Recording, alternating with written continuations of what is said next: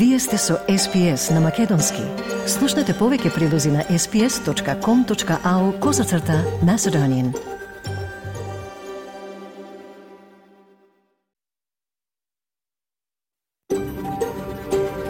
SBS, a world of difference. You're with SBS Macedonian on mobile, online, and on radio. Вие сте со SPS на Македонски, на мобилен, преку интернет и на радио. СПС им одава признание на традиционалните собственици на земјата, народот Вуранджери Војбаранг на нацијата Кулен, минати и сегашни. Добар ден, денеска 13 февруари, со вас повторно е Маргарита Василева. Еве што подготвивме за денешната програма. По денешниот билтен ќе ве известиме за најновите настани во Македонија, каде пасошите на кои не стои новото уставно име од денеска целосно излегуваат од употреба. Македонските државјани затекнати со стар пасош во странство треба да извадат патен лист во дипломатско-конзуларните представништва. Подетално за овие и други теми во прилогот после 15 минути. Од останатите содржини, силни индикации дека глобалните температури може би веќе се зголемени о, за 1,5 степени од прединдустријскиот период, според тимот на истражувачи предводен од Австралија. Деталите ќе ги чуете подоцна. Во меѓувреме Австралија сега може да се пофали со некои од најголемите лунарни новогодишни прослави надвор од Азија, што според експертите придонесува допринесува за идентитетот на Австралија како мултикултурна нација.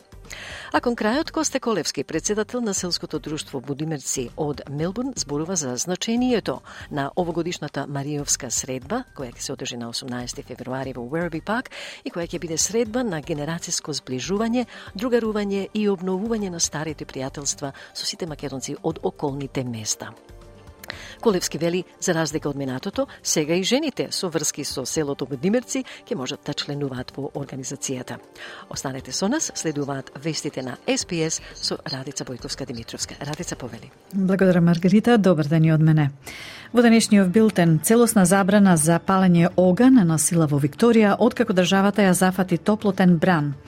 Обединетите нации со осуда за смртта на најмалку 67 палестинци во израелската операција за спасување заложници. Загриженост за бавниот напредок во гонењето на австралијците обвинети за воени злосторства, што овозможи некои да избегаат во странство. И македонските пасоши на кои не стои новото име на државата со географска одредница Северна, од денеска се надвор од употреба. Возачките дозволи ќе важат до крајот на годинава. Слушајте на. Целосна забрана за палење оган денеска е на сила за поголемиот дел од Викторија, додека државата се подготвува да се соочи со првите катастрофални услови за пожар по пожарите од така нареченото црно лето од 2019 до 2020 година. Според прогнозата на Бирото за метеорологија, температурите во Милдјура би можеле да достигнат и до 41 степен, со оценка за катастрофална опасност од пожар за регионот Уимера екстремна во Мали и висока опасност за остатокот од државата. Источен Гипсленд, каде што беше прогласена состојба на катастрофа за време на пожарите во 2019 година, е единствениот регион во државата со оценка за умерена опасност. Крис Готфред од Бирото за метеорологија изјави за ABC дека температурите ќе достигнат до средината на 30-тите низ поголемиот дел од државата. It really is a um, potentially quite nasty day uh, across uh, quite a wide swath of the, uh, the the state. But I'd say that risk is higher uh, based on the on the ratings in that sort of uh, west to northwest part of uh, Victoria, where the temperatures are set to be highest. Сојузната влада има за цел да создаде 3000 работни места во одалечените области во текот на следните три години, како дел од напорите за исполнување на целите за затворање на јазот, за да се одговори на неповолната положба на домородните луѓе. Ќе бидат инвестирани 707 милиони долари за создавање работни места во сектори за кои ќе одлучува заедницата, како што се туризмот, хортикултурата, трговијата на мало и услугите во заедницата. Шемата има за цел да ја исполни целта што се стреми да ја зголеми вработеноста кај луѓето од првите нации. На појадокот по повод 16 годишнината од извинувањето за украдената генерација, денеска премиерот Ентони Албанезе рече дека само 4 од 19 цели за затворање на јазот се на вистинскиот пат. That's not a pass mark for us as a nation. And all of us regardless of where we stand on the political spectrum, need to recognise that we need to do better. Премиерот Антони Албанезе ги обвини зелените дека стојат на патот на политиката што ќе им помогне на оние кои купуваат прв дом да влезат на пазарот за недвижнини. Владата на Албанезе повтори дека нема да предложи никакви промени во така наречениот негатив гиринг и покрај повикот на зелените за реформи. Зелените побараа ограничување на даночните попусти за инвеститорите во недвижини во замена за нивната подршка за владината шема за домување наречена помош да се купи, за која што ќе се расправа во парламентот оваа недела. Господин Албанези вели дека забележал дека зелените го прекинале финансирањето на јавни достапни станови минатата година, а сега сакаат да го запрат, како што вели, финансирањето на програмата Помош да се купи, што би им помогнала на изнајмувачите да станат собственици на дом. I noticed that the Greens political party, having held up funding for public housing last year, now want to hold up funding to support Help to Buy for renters to get into home ownership. That's what they say they will do. Well, I'll give, uh, I'll give the member the big tip, which is that it stands on its own and on its merits. Покрената е загриженост дека бавниот напредок во гонењето на австралиците обвинети за воени злосторства овозможи некои да избегаат во странство, во земји без договори за екстрадиција. Сенаторот на Зелените Дейвид Шубрич ги доведе во прашање на водите за време на сослушувањето во Сенатот вчера, тврдејќи дека некои од 19 војници на специјалните сили, осомничени за воени злосторства во Афганистан, ја напуштиле Австралија. Генералниот директор, специјален истражител Крис Мораитис, одби да ја потврди бројката, но рече дека неговата канцеларија истражува луѓе во земји кои можеби имаат или немаат екстрадицијски односи со Австралија. Сенаторот Шубрич исто така тврдеше дека некои работеле како платеници, но господин Мораитис вели дека тоа не му е познато. Израел ослободи двајца израелски аргентински заложници кои Хамас ги држеше во Рафах во спасувачка операција во која загинаа 74 палестинци во јужниот град Газа, каде 1,4 милиони цивили побараа за солниште од повеќе месечните бомбардирања. Мисијата на израелската војска, службата за безбедност Шинбет и специјалната полициска единица ги ослободија 60 годишниот Фернандо Симон Марман и 70 годишниот Луис Харе. Тие беа меѓу 250 лица кои беа грабнати за време на нападот врз Израел на 7 октомври од страна на милитантите на Хамас, што ја предизвика израелската војна против Газа. Израелскиот премиер Бенџамин Нетањаху го поздрави успехот на операцијата. We're in a day of joy mixed with sadness joy over the rescue of our hostages and sadness over the loss of our soldiers. But I want to tell you that the release of Luis and Fernando is one of the most successful rescue operations in the history of the State of Israel. Според здравствените власти во Газа, повеќе од 28.000 палестинци се убиени, а речиси 68.000 се ранети. Шефот на Агенцијата на Обединетите нации за палестински бегалци вели дека од витално значење Европската унија да го врати финансирањето во рок од неколку недели, бидејќи Израел се подготвува за можен копнен напад врз Рафах. Агенцијата за помош го загуби финансирањето од повеќе од десетина земји, откако израелските официјални лица изнесоа наводи дека 12 од незините 13.000 вработени со седиште во Газа биле вклучени во нападот на 7 октомври. Израелските власти допрва треба да достават докази за подршка на нивните наводи против УНРВ, но финансирањето во вредност од околу 672 милиони долари веќе е повлечено. Шефот за надворешна политика на Европската Унија Жозеп Борел вели дека ако лидерите се загрижени за големиот број убиени луѓе, тогаш тие мора да ја преиспитаат доставата на оружје за Израел. Everybody goes to Tel Aviv begging, please, don't do that. Protect civilians. Don't kill so many. How many is too many? Which is the standard? But Netanyahu doesn't listen to anyone. They are going to evacuate. Where? To the moon? Where are they going to evacuate these people?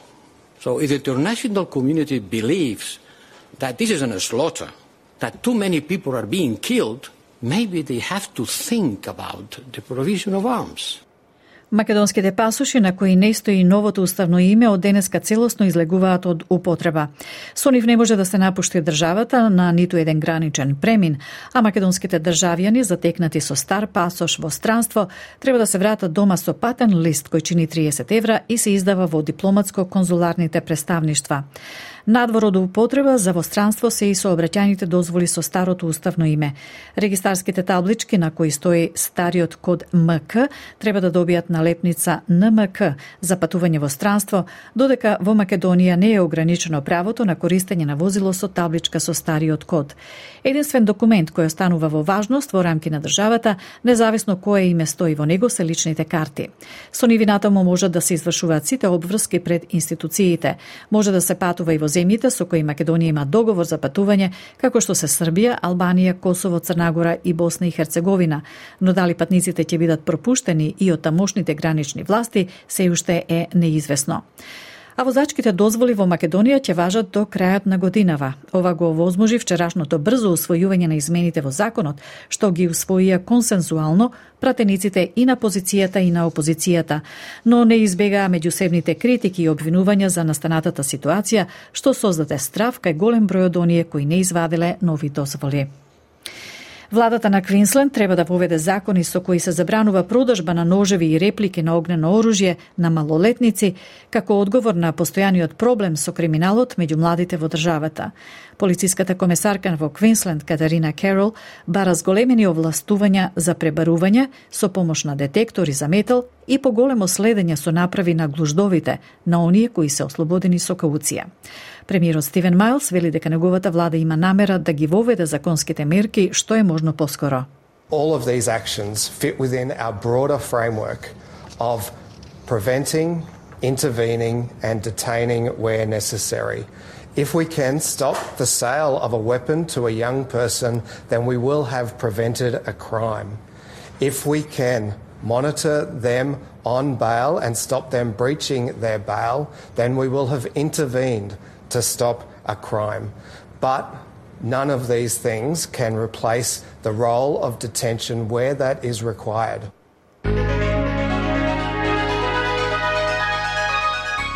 Од најновата курсна листа денеска еден австралиски долар се менува за 0,6 евра, 0,65 американски долари и 36,86 македонски денари. Додека еден американски долар се менува за 56,51 македонски денар, а едно евро за 60, 94 македонски денари.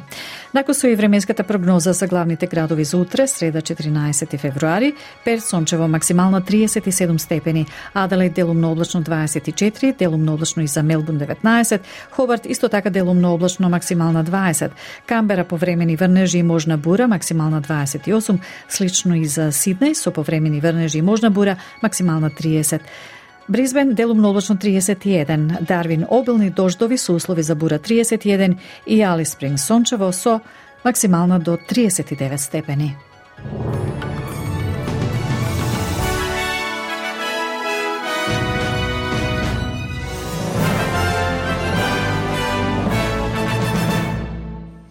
Благодарам Радица. Да ви известиме дека денешниот билтен вести на СПС со Радица Бојковска Демитровска ќе биде достапен на нашите веб и фейсбук страници малку подоцна во денот заедно со комплетната програма.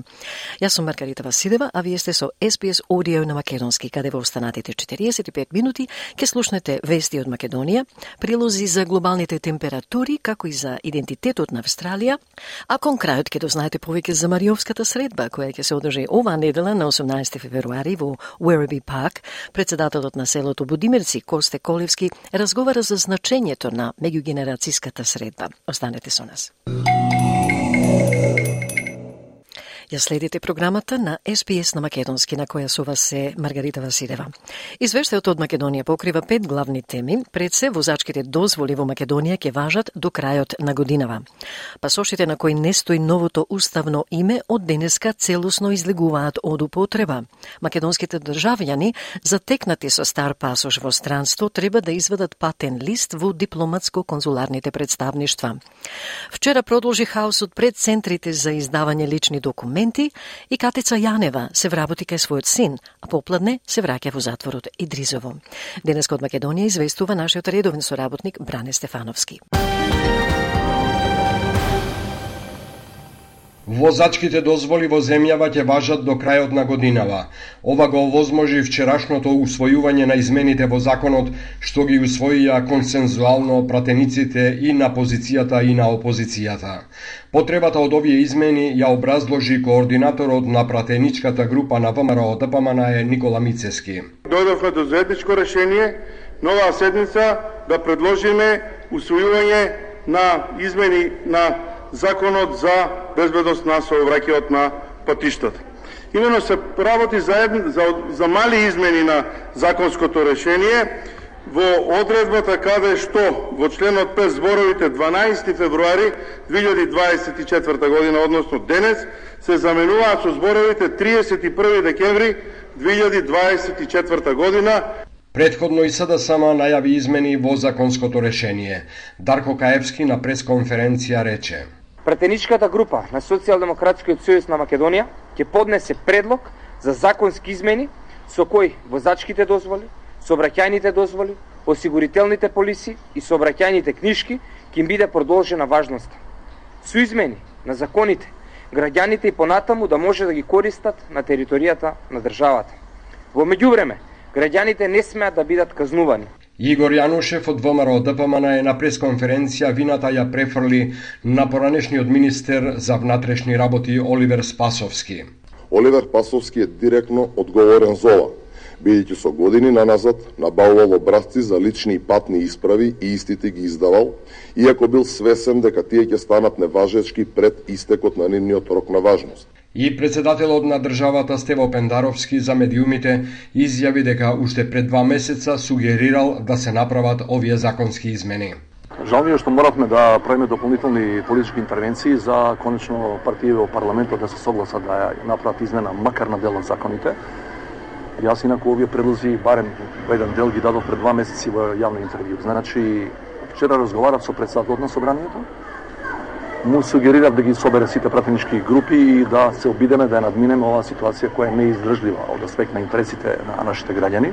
Пасошите пак на кои не стои новото уставно име целосно излегуваат од употреба. Со нив не може да се напушти државата на ниту еден граничен премин, а нашинците затекнати со стар пасош во странство треба да се вратат дома со патен лист кој чини 30 евра и се издава во дипломатско-конзуларните представништва.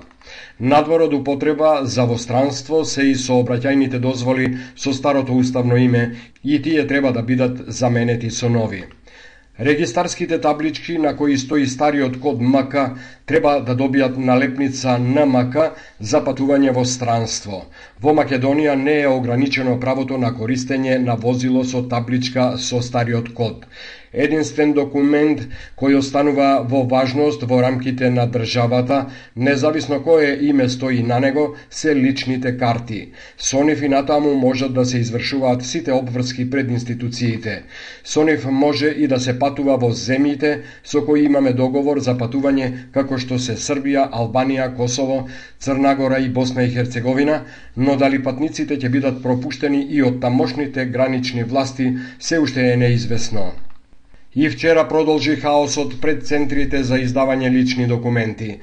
Граѓаните чекаа со часови за фотографирање, но и за подигање на готовите. На шалтерите тие се соочуваа со разни проблеми, некои ги немаше на списокот, а добиле термин, а на други пак им беа загубени документите. Издвојуваме дел од анкетата на ТВ Сител.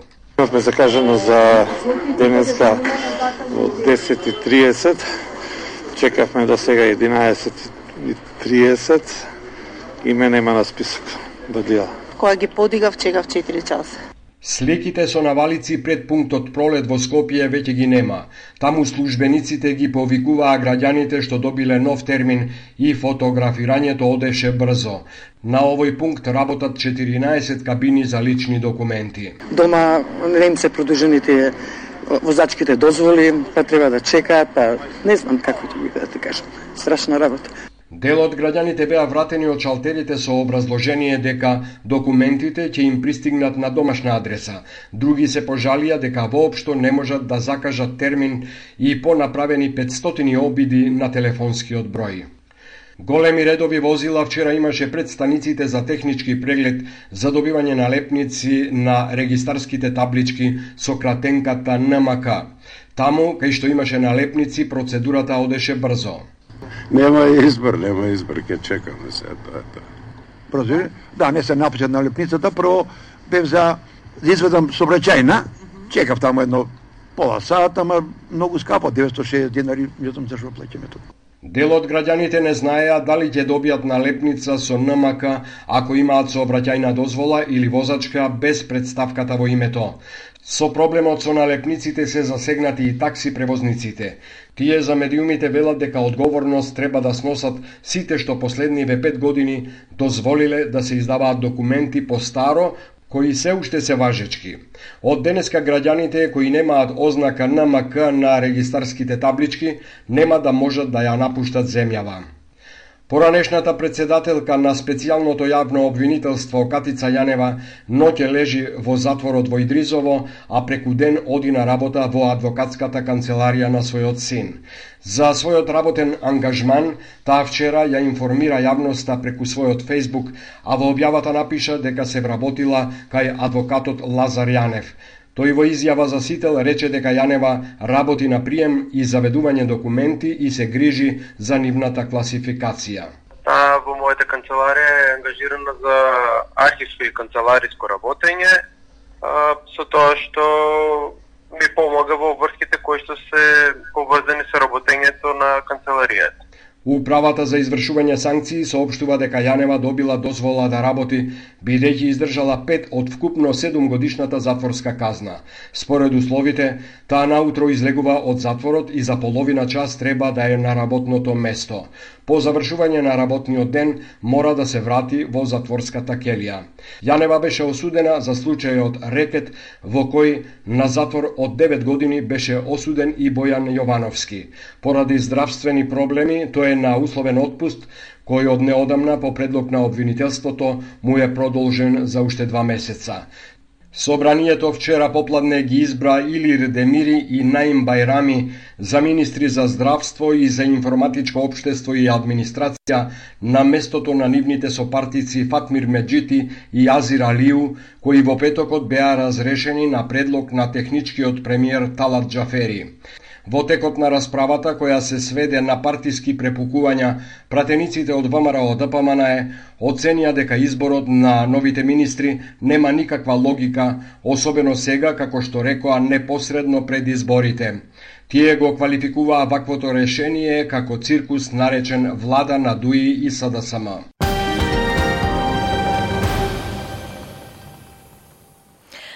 За голем избор прилози и интервјуа посетете нашата Facebook страница SBS Macedonian или нашата веб страница sbs.com.au Macedonian. Таму ќе најдете и видеоклипови од разни настани во заедницата. Тоа беше извештајот од Македонија, денеска со Бране Стефановски. По неколку информативни пораки од СПС ке преминеме и на актуелности од Австралија и светот, а за крај, покрај организираната средба овој викенд во Werribee Парк, ке чуете како оваа средба е уште еден обид на некои од македонските друштва, поточно на друштвото Будимерци, да го оживее повторно организираниот живот овде во Мелбурн.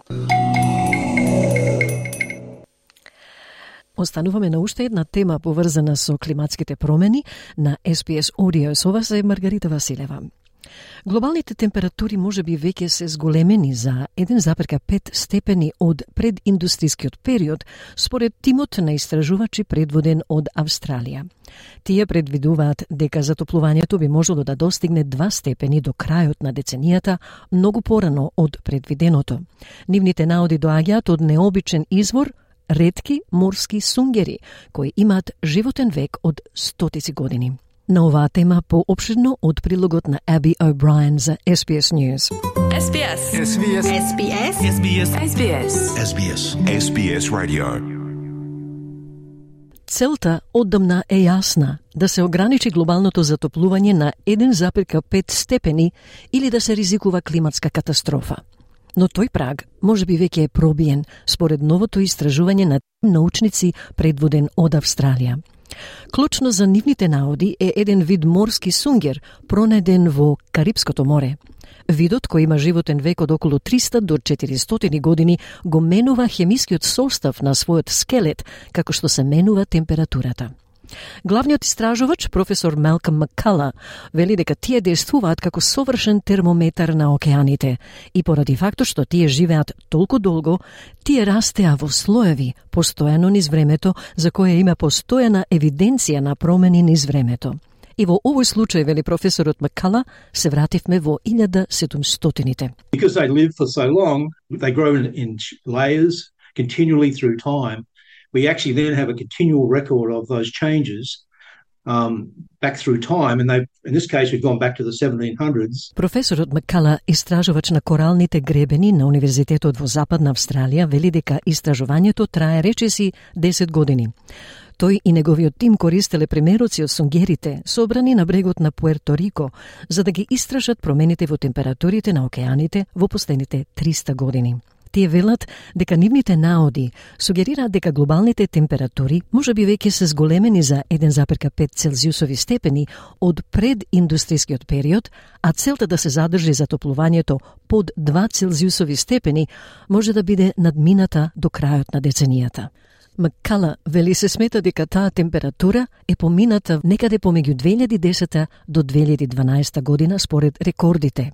Во моментов мислат дека е 1,7 Целзиусови степени до 1,8. Значи светот е најмалку 0,2 степени над границата од 1,5 или целта за која сите знаат, вели Маккала. That uh, temperature we think was passed in 210 to around 210 212 on our record. Right now, um, in our, you know, we think it's 1.7 to 1.8. So we're at least 0.2 to 0.3 degrees above the 1.5 kind of limit, if you like, uh, that's, or the target that's been that everyone knows about. You know. Целта да се ограничи порастот на температурата на 1,5 Целзиусови степени или подолу беше клучна цел на Парискиот климатски договор од 2015 година. Тој договор го користи Intergovernmental Panel on Climate Change, меѓувладениот панел за климатски промени, или основната температура на прединдустриското затоплување на панелот од 1850 година до 1900 година, кога за прв пат беа официјално регистрирани глобалните температури. Но истражувачите велат дека сунгерите обезбедуваат записи од далечната 1700 година и користејќи ја оваа порана прединдустријска основна линија, нивните проценки сугерираат дека земјата се загреала за околу 1,7 степени, околу 0,5 степени повеќе од бројката на IPCC од 1,2 степени но некои климатски научници кои не се вклучени во студијата велат дека новите наоди не ги дискредитираат тековните цели на Парискиот договор. Професорот Марк Хауден е директор на Институтот за клима, енергија и решенија за катастрофи на Австралискиот национален универзитет. Тој вели дека различната основна температура не значи дека треба да ги преправаме париските цели од 1,5 и 2 степени. Хауден вели кога се носат големи политички одлуки, мора да има многу добра база на докази.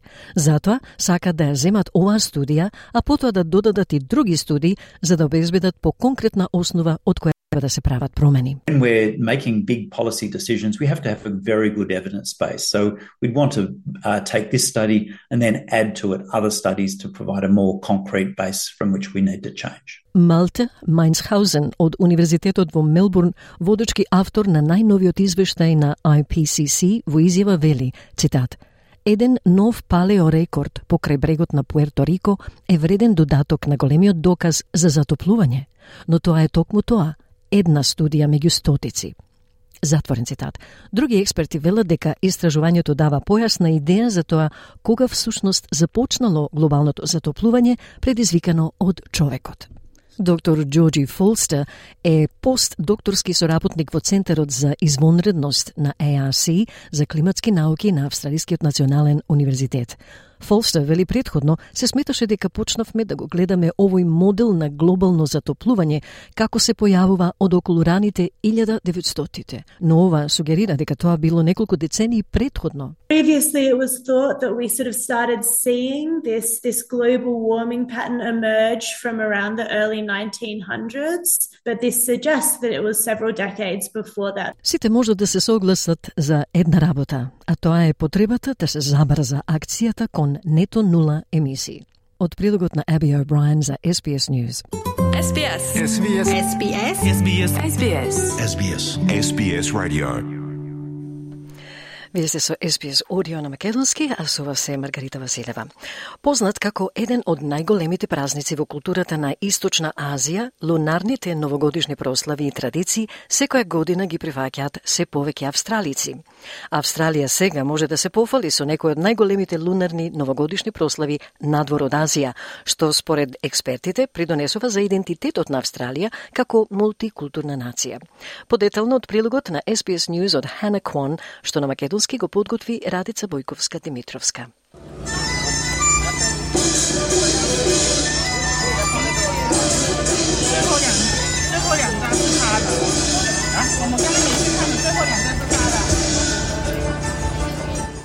Во будистичкиот храм Нан Тиен во Волонгонг започнаа прославите за лунарната нова година – Прославите кои што го следат лунарниот календар почнуваат од 10 февруари и се одржуваат повеќе од 15 дена, а луѓе патуваат од цела Австралија за да земат учество во нив. Happy Lunar New Year!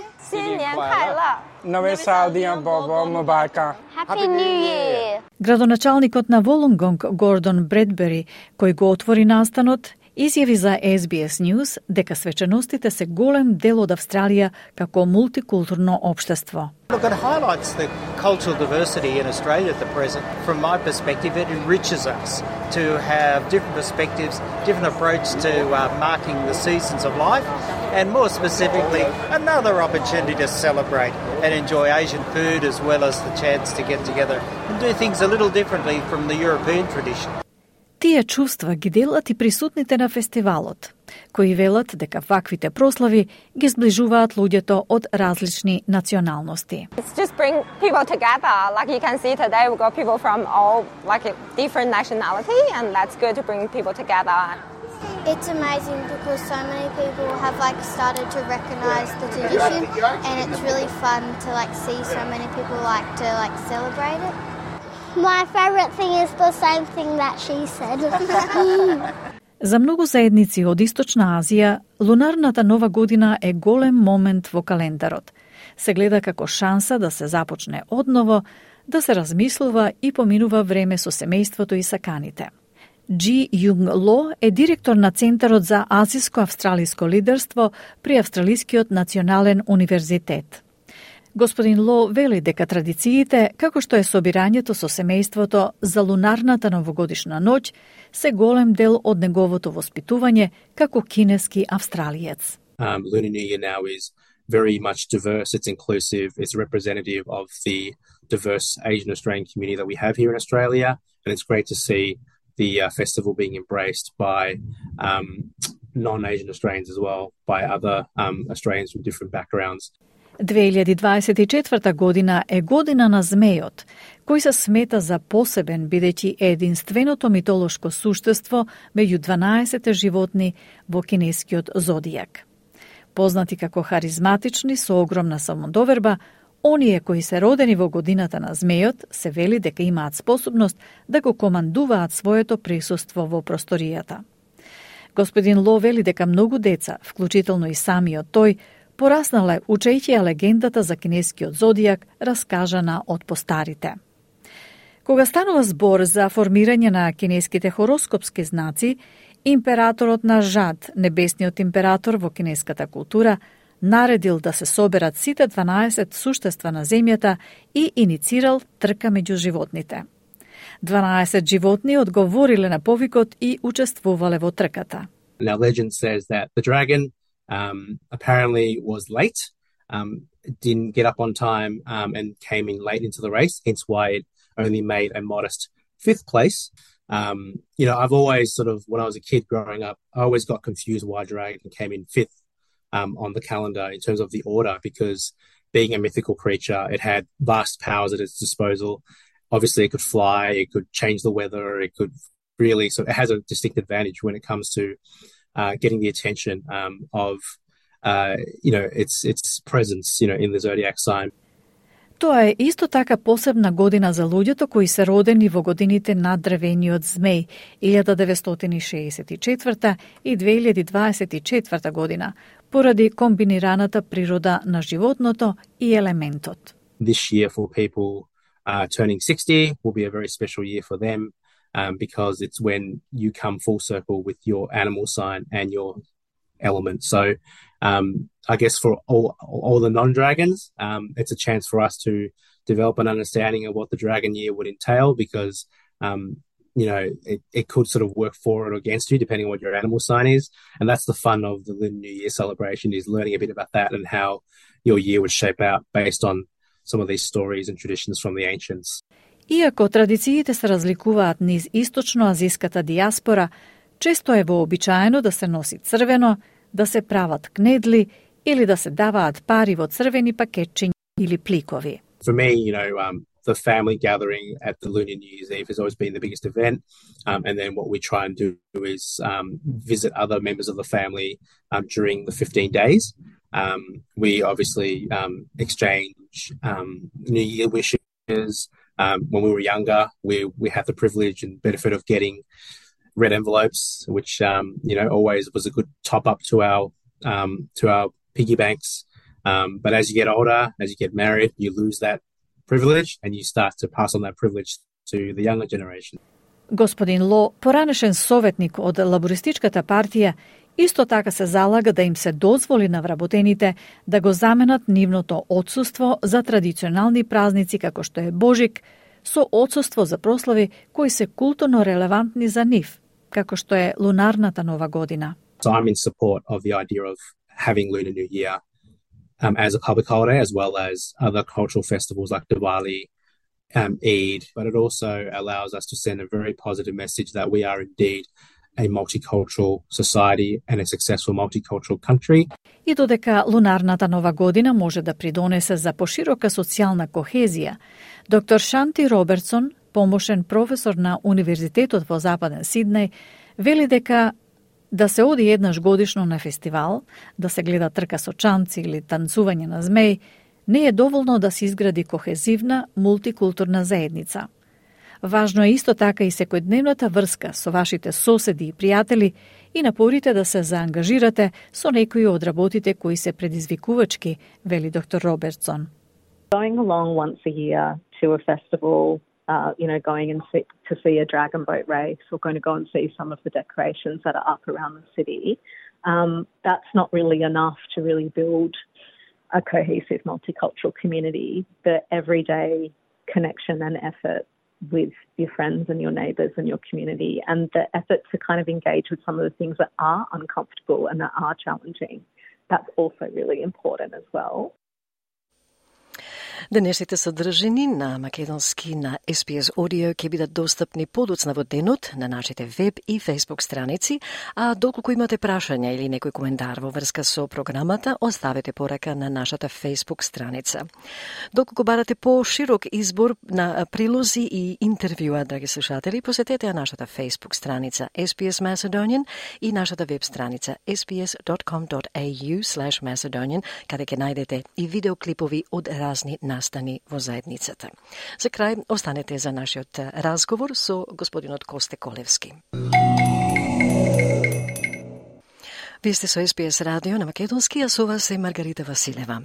Косте Колевски, председател на социјалниот клуб Будимерци во Мелбурн, разговара за Мариовската средба на 18 февруари во Уереби Парк за сонародници родени во Мариовските села и лица кои имаат семени врски со околните села, како можност селаните и нивните потомци да се сретнат и ја одржат во живот нивната географска врска. Надежта на групата е да ги продлабочи односите меѓу мариовските генерации и обез обезбеди средина која ќе продолжи да ги поврзува лицата кои водат потекло од една иста точка во светот. Организаторите очекуваат посетителите да се дружат до доцна во ноќта. Во денешната програма, наш гостин е председателот на селото Будимерци, на селското друштво Будимерци во Мелбурн, господинот Косте Колевски. Косте, добар ден. Добар ден, Маргарита, и ти благодаря за остапеното време. Косте, редка средба, Мариовска средба се одржува сега во недела на 18 февруари во Werribee Парк. Ке сакаш да ни Werribee кажеш Park. нешто повеќе за оваа Мариовска средба? Која е причината за средбата? Види, по долго време, дека порано Мариовските села, што тука беа во Мелбур, има своји денови, слави си славе, ама не знам за какви причини тие престанања, остана селото Будимерци и неколку други што го си прават овие славите негови, се дружат, се гледа. Ама пошто дојде до тој начин и доста луѓе што ќе ме стретне, кои ќе дојде на Будимерскиот бол за петков прашува зошто не не собериш поново, барем да се видиме, да муаве да си направим. Значи по желба И- на народот, така на соселените. Народот, да. По желба на народот, се немаме видено, остаревме во години и вика, барем направи нешто, измисли нешто што да направиме. Јас му рекол, добро бе, тогаш јас изјавив лани на Петковден дека ќе направиме една Мариовска стредба за сите мариовци и пријателите се разбери за сите македонци да дојдат во Береби паркот, кој се наоѓа на Малва Смарт 201 B3 во Береби паркот. Тука има убај киски, овие што викаме розе, што се тамо флео. Има многу убај работи, има газаба, скари. Тоа е паблик парк. Значи опремено е за да можат луѓето да си донесат храна. Да. Може да се донесат храна, да си направат муавет и такви работи. Ние организираме прв пат селото во Димерц. Ама на пикнико не значи дека ние ќе бидеме и година организатори. Мојата идеја е дека на пикникот ќе се избере друго село година да го организира овој пикник во средината на февруар.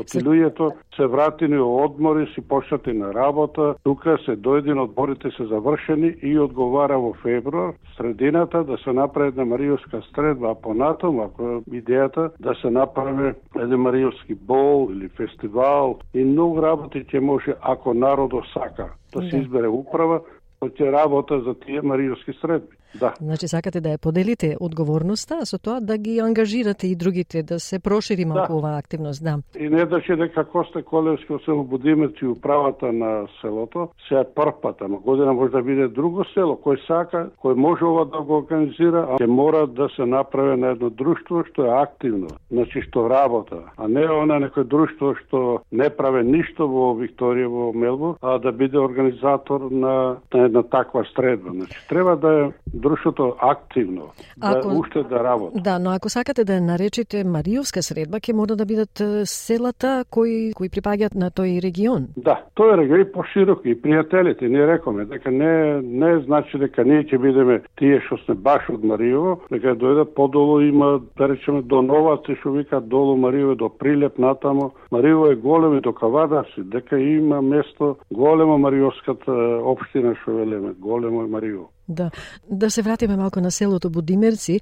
Од прилика колку мислите дека има луѓе од селото Будимерци, значи со Па селани? ние се береме до 250 тука, до 250, ако дојме до кај 200, 180, Инако селото наше е активно, си работа. Секоја година си го славиме дено петков ден и сега, значи, ние сме активни, си работаме. Селото Будимец. И- Свети Никола го викаме, поради црквата ни се вика Свети Никола. И знамето од Вергина го има на Летерхец, дека имаме знамињата две во црквата Свети Никола, во над Алтеро постоа ден денеска знамињата од Вергина швила.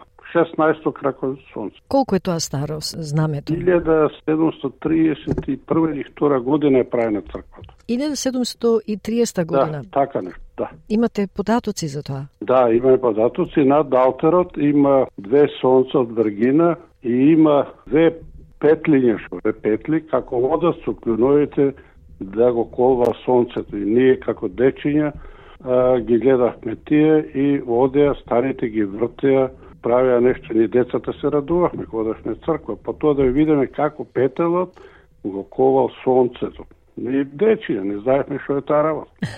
А кој Ама сега друг... научивме Ќе научишме што е. а кои други, кои други интересни факти постојат за селото Будимерци, Косте? Има факти, селото Будимерци е направено од три села.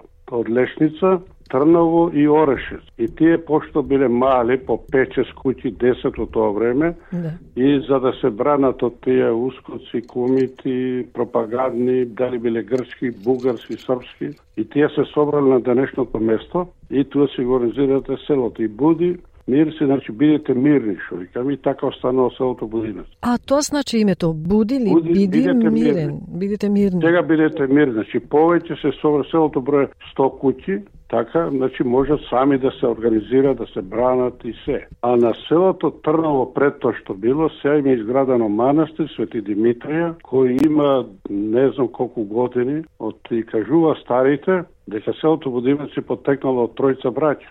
Тоа е интересно, дека доста имале контакт со Пожарско, другата страна, со гејскиот дел, оделе, се мажеле, се женеле, секакви работи. Значи тука тие биле овчари и тие го направиле тоа село тамо, тројца браќа. А дали знаете пред колку години? Не знам точно преку години, ама има уште гробишта, кај што селото било Трново, кај што сега манастирот Свети Димитрија и стално се одржува славата, една има за Мала Богородица на 21 и во новембар на за Свети Димитрија кога е дено. Два пати годишно се берат будимерчани и околните села, има конак, има водовод, има генератор за струја, и тоа далечено е од селото негде 5-6 км, речи 10 нека би. Да. А кои се главните свечености или прослави? Ќе го славиме ние тука, си го славите и тие тамо, ама му е 21 септемвр, Мала Богородица и Митровден, што е во новембар, на која 8-9 кога е.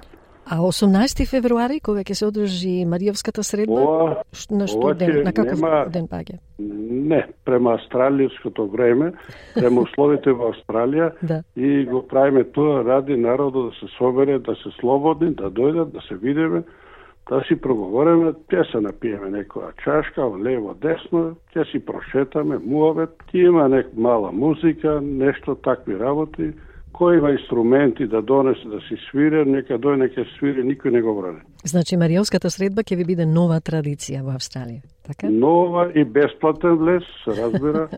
Нема да бараме пари кој некои што бараат 20 долари на кола или вамо таму. Кој сака ќе дојде тамо, дека си донесе јадење, пиење, таа си е негова работа, по негова желба. Одлично. И да си имаме само еден убав ден. Ќе имате музика? Ќе имаме, се разбира, ќе имаме, пробаме да дојде гадарџа и кавалџа. Ама Имаме неколку несреќни случаи, мр- смртни случаи. Не знам дали ќе дојдат тие тапанџиите и кавалџиите и гадарџијата, ама радиото ќе си биде обавезно таму. А кавалџија рековте? Кој е кавалџијата? Валче не може јас во момента и мене ми умре прва брачада и јас не може. Не можеш. Така, ме има случај ете се деси. Точно. Но сепак веселбата е закажана за 18 февруари во Уерли Да, да, пак. обавезно од Ова 8 недела, сато, од 8 сато са бали до крај. Ако сака некој да спие, тама ако не мој страв од тие животните, тама нека спие. До еднојца. Имаат голем избор. И има избор, сака до етава или кај вариовците, од двете работи. Косте Колевски ви благодарам многу на разговорот. Фала ти за разговорот и мора малце смеешала.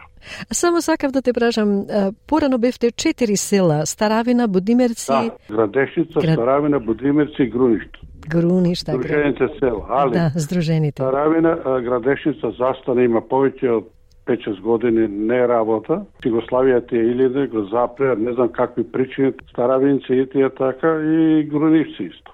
Груништа. Само остана селото Будимирци под моја команда си си продолжиме. Ние и така. Си ја тераме на нашето и ние го менаме системот, си ги привлекоме луѓето што со селото Будимирци под порекло, потекло, да речеме, Да. бабата и мајка ти од селото Маженово, друго село ти имаш право да дојдеш да бидеш член. Чупињата што беа мажени, си ги прибраме и тие, не дека е чупени порано, мариовците, мажите да биле само членови, жените не. И се затоа сме успешни, дека чупињата што ни се мажени во другите села си идат, ќе си напратат на маса, две гости си канат. Значи тука е позитивната работа. Значи, почнавте еден вид неформален попис на Будимерци.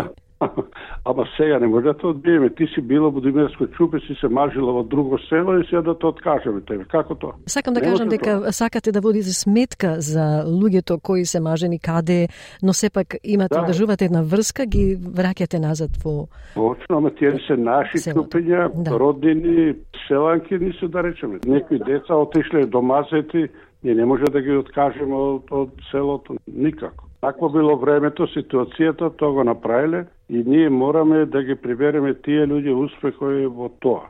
Идејата беше моја, значи да нема дискриминација, еве се домаќино што ќе биде, и мајка му и баба му селото во Димерц. Многу е, многу е важно тоа. И Маргарита имаме членови од Волонг, што се будимерчани, кој ќе дојде денот по старост ни одеме, и си има дојдено ту да се бидат домаќини на селото и многу успешна работа. Имаме и оседни членови. Мислите доаѓаат да, за средбата? Се членови уште од, од Волонгон дојде човеко по старост, дојде си беше домаќин и го поздравам Петко Пројчески, го поздравам со фамилијата, дека му честитам, си дојде цела фамилија тука, има родени, се виде една убава весела си направиме, муваве да се видиш по толку години, многу важно нешто, Па тој повод, еве ти Мариоската стредба, луѓето едноставно да се видат. Се изгубивме овде еден со друг. Порано беме секоја сабота и недела си правихме бабачок, се видјаме фамилиарно, спиевме кај едни, кај други, со текси одавме со возе, сега куќи имаме под бајца луѓе во куќа. Зошто ви е толку важно да се сретнувате повторно? Па многу е важно другар што сум бил на сколија да си го вида родни на некои брачи по-далеч на рода втори, трети, ќе ги најш таму школски другари, едно друго што сме живееле заедно, што сме го делеле лебот, па треба да се видиме. Во стареме годините ни дојда да. и затоа тоа нешто да не се забораваме кој сте и што сме. Да. А ти Косте и заедно со твојата сопруга Менка и двајцата сте од Будимерци. Да, да, прави чисти Мариус. Благодарам Косте. Ти благодаря и тебе, фала ти на остапеното време и поздрав до сите слушатели, до сите мариоци и македонци пријатели, повелете во недела во 8 сато во Вереби. На здравје, нека ви е Мариотската средба. Ти благодарам, повелете и вие. Благодарам. Тоа беше Косте Колевски, кој во секој момент е подготвен да одговори на барањата на своите сонародници и соселани, како што слушнавте во овој случај за остварување на Мариовската средба оваа недела 18 февруари во Werribee Парк. Се надевам дека будимирчани нема да бидат мирни на денот, ќе се фатат на оро, ќе запеат песни и ќе раскажуваат за минатото до доцна во ноќта. А сега за крај да се подсетиме и на главните вести на SBS.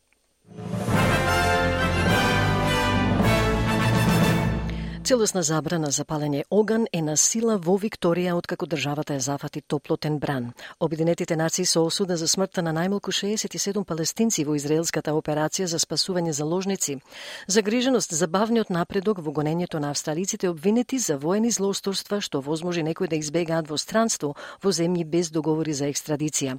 Македонските пасоши на кои не стои новото име на државата со географска одредница Северна од денеска се надвор од употреба, а возачките дозволи ќе важат до крајот на годинава. И тоа се за денеска, почитувани слушатели. Ви благодарам што бевте со нас. Ве очекуваме утре во ист термин, а во меѓувреме за избор прилози, интервјуа и видеорепортажи одете на нашата интернет страница и на нашата Facebook страница. Од Маргарита Василева до слушање до утре и се најдобро. Сакате ли да чуете повеќе прилози како овој? Слушате подкаст преку Apple Podcasts, Google Podcasts, Spotify или од каде и да ги добивате вашите подкасти.